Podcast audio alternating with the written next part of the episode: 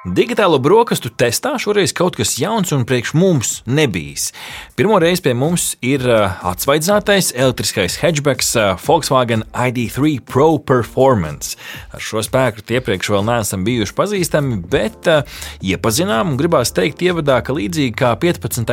iPhone, kas šogad ir vairāk tāds progresa stāsts, nevis revolucionāri jauns piedāvājums, arī Volkswagen ID3 ir stāsts par atsvaidzinātu un pieslīpētu uzlabētu iepriekšējo versiju, uzlabojot tā vispārējo pievilcību un veiktspēju. Es arī piebildīšu, ka nosaukums man liekas ir līdzīgs mobilo telefonu nosaukumam pēdējā laikā. Ir savas tendences novērojams. Apskatīsim gan uzlabojumus, cenšoties salīdzinot ar iepriekšējo versiju un ar citiem konkurentiem no tāda tehnoloģiju baudītāja perspektīvas, kas mēs patiesi esam. Automašīnu neatmaksātam un neatkarīgam testa braucienam mums piešķīra Moller Baltica. Un sāksim ar, ar ko sākam?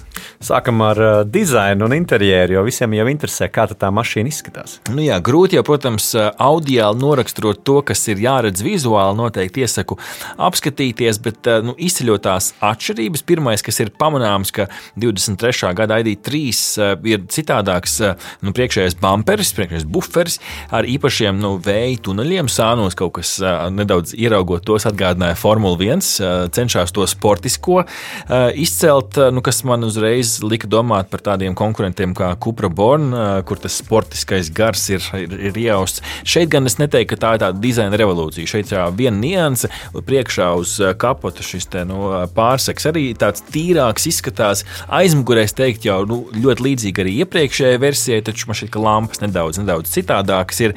Nu, tā kā tāds labs atsvaidzinājums, mm. kuram klāt nāk krāsa, kas nav mazāk būtiski līdzīga kā vietā vai ne? Mm. Krāsas, krāsas ir ir uh, jaunas, un tad uzreiz kaut kas svaigs. Šeit olīvas zaļā krāsa, ko mums arī izdevās. Ko, kopumā, cik es dzirdēju, sabiedrība arī bija ļoti labi pieņēmuši šo jauno dizainu, kas kaut kur ir arī bijis vienkāršāks, un tāpēc varbūt arī kāpēc, kāpēc uh, radīt no jauna to, kas jau uh, līdz šim ir uh, mm -hmm. iestrādāts? Nu, uh, redzēsim tālāk, kas, kas vēl ir pamainīts. Ja skatās jau uz interjeru, tad šeit ir adresēta viena no kritikām, kas daudz tika izteikta par materiālu pielietojumu salonā, vismaz priekšā, vismaz tajā acu līmenī materiāli ir patiešām labāki. Mums, protams, piebilde, protams, ka uz demo testiem jau dod tādu labi nopakotu automobīli, ar visu, ar, ar cik maksimāli vien ir iespējams. Bet, ja mēs skatāmies uz to kā uz latiņu, tad jā, materiāli patiešām patīkam, tāda prēmiju klases sajūta un tie plasmasīgie elementi bija jāmeklē. Tie, protams, ir klāt esoši, bet nu, tā, tā ir automašīna. Nu, lūk, um, un šeit, ja mēs nu, skatāmies uz kaut kādiem salīdzinājumiem, mums ir bijis tā, arī tā iespēja, piemēram, braukt ar Renault Megana e-tech versiju, tā skaitā arī citām, citām Renault mašīnām. Un šeit nu, Renault izceļas bieži vien arī, arī ar šo kvalitatīvo materiālu, vismaz to augstā gala prēmijuma izpildījumā iekļaušanu. Nu, tad šeit tas, tas arī parādās, kas nav mazbūtiski. Šoferim noteikti svarīgi ir stūra un beņķis, kurā viņš ir. Stūra un beņķis, beņķis ļoti sportiski, iekļaujoši, es teiktu. Tas uh, veicina to sportisko sajūtu. Runājot par stūri, šeit man šeit bija mūsu senais draugs no ID Buzz testa. Mazais ekrāniņš uz stūres, kas nozīmē, ka stūri cēl augstāk un zemāk, tad stūri attiecīgi ekrāniņš bīdās līdzi, kas ir labi redzamībai. Mm. Varbūt tas ekrāniņš ir maz, maziņš izmērā, nepierasti, jo mēs tagad eh, nu, redzam dažādās tendencēs, ka ekrāni ir plaši pa visu priekšu. Šeit uh, ekrāniņš neliels. Uh, ko gan nevar teikt par galveno konsoli, kas, kas ir patīkama. Galvenā konsole uh, 12 colu liels skārienu jutīgs ekrāns. Tas jau ir standarta pakotnē iekļauts šajā, šajā versijā, un tas dod daudz lielākas iespējas. Bet, ja mēs atgriežamies pie tā beņķu stāsta, stāsta. Tad interesanti pie, piezīme, mēs šeit apskatījām konkrēti Pro Performance izpildījumu šai, šai, šai automašīnai. Pro S versijā ir tikai četras sēdvietas. Tā, tā ir tāda interesanta nianse, ja mēģina izvēlēties atbilstošu modeli savām vajadzībām. Bet visādi citādi aizmugurē, nu, kājām vietas pietiek, vai šis būtu auto, kurš gribētu braukt pāri visai Eiropai, laikam kā garš cilvēks. Nē, aizmugurējā sēdeklī, bet, nu, protams, priekšā komforts komforts ir, uh, komforts ir jūtams patiešām. Parunāsim par tām tehnoloģijām. Ieskicējām nedaudz par to ekrānu, kas ir atrodams uh, priekšā.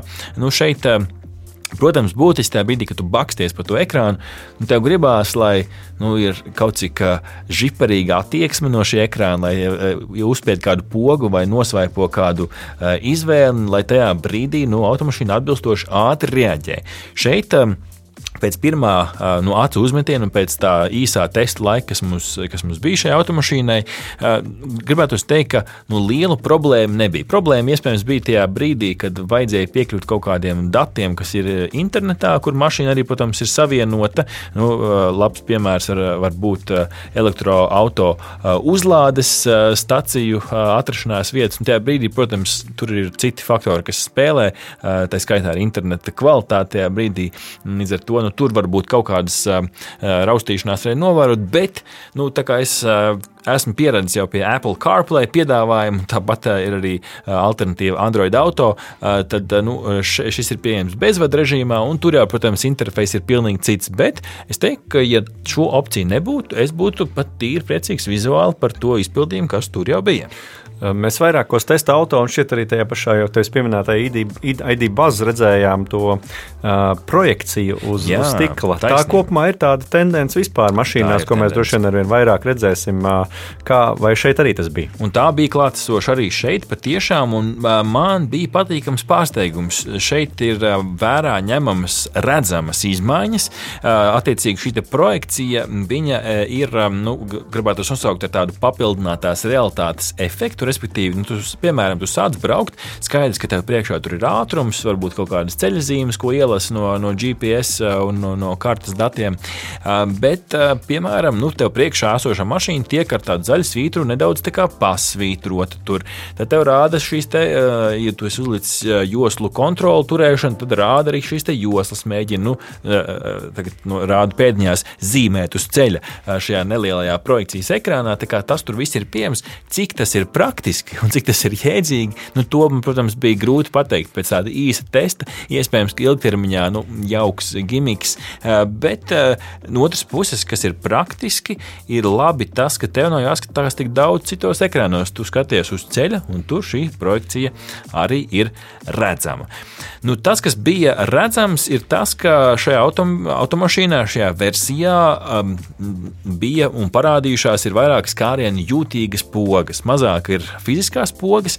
Eh, kopumā es teiktu, ka nu, priekš skārienu jutīgajām eh, pogām bija labi, jo tas no angļu saucamais haptic feedback, jeb nu, tas vi, eh, vibro mehānismu tā atdeve bija laba, bet neizcila. Un šeit labs piemērs ir par um, logu atvēršanas pogām. Kas interesanti, šai mašīnai bija tikai divas - kreisā puse, labā puse. Bet nu, mašīnai ir četri, četri, četri logi. Jautājums, kā tas strādā? Nu, uh, uzreiz uh, šīs pogas spiežot, atverās šofera un blakus sēdošā logi. Ja tu gribi atmērt, atvērt vai aizvērt aizmugurējās logus, bija tāda maza skāriena jutīga podziņa ar nosaukumu rear.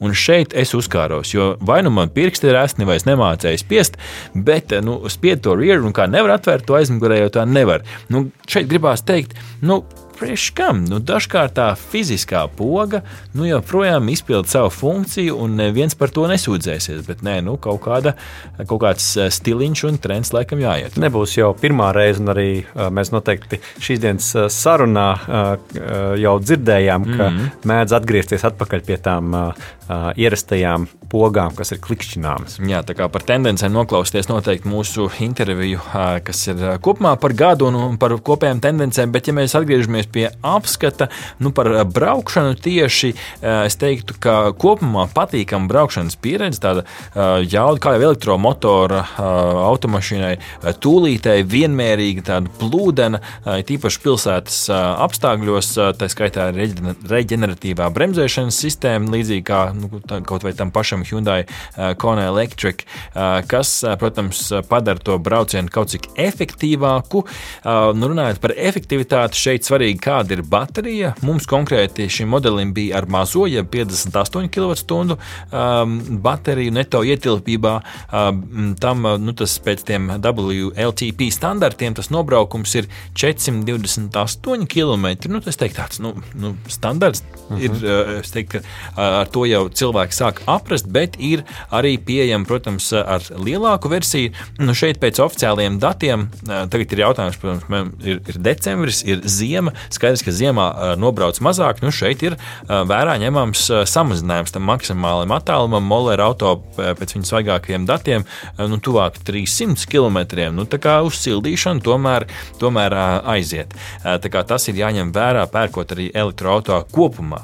Bet, ja mēs runājam par tehnoloģijām uz borta, protams, klasiskās lietas, eh, kas ir eh, kruīzes kontrole, adaptīvā bremzēšana, joslu noturēšana, centrēšana. Tas viss ir patīkami un to garos braucienus īpaši palīdz padarīt mazāk nogurdinošus. Izmēģinājām līdz Siguldai un atpakaļ garā, garākā, nedaudz garākā braucienā. Nu, bija patīkami, ka automašīna vairumā ceļa darīja visu pati. Protams, izņemot mazā nianses, ka tā nelasa zīmes ceļa malā, mm -hmm. bet gan no dažādām datu bāzēm to visu visu mēģina noķert. Mazā praktiskā interesantais stāsts par palīgu sistēmām. Eh, automašīnās eh, ievieš šīs noguruma eh, kontrolas mhm. funkcijas, mm. ja šoferis aizmieg, lai nu, nenotiek avārija.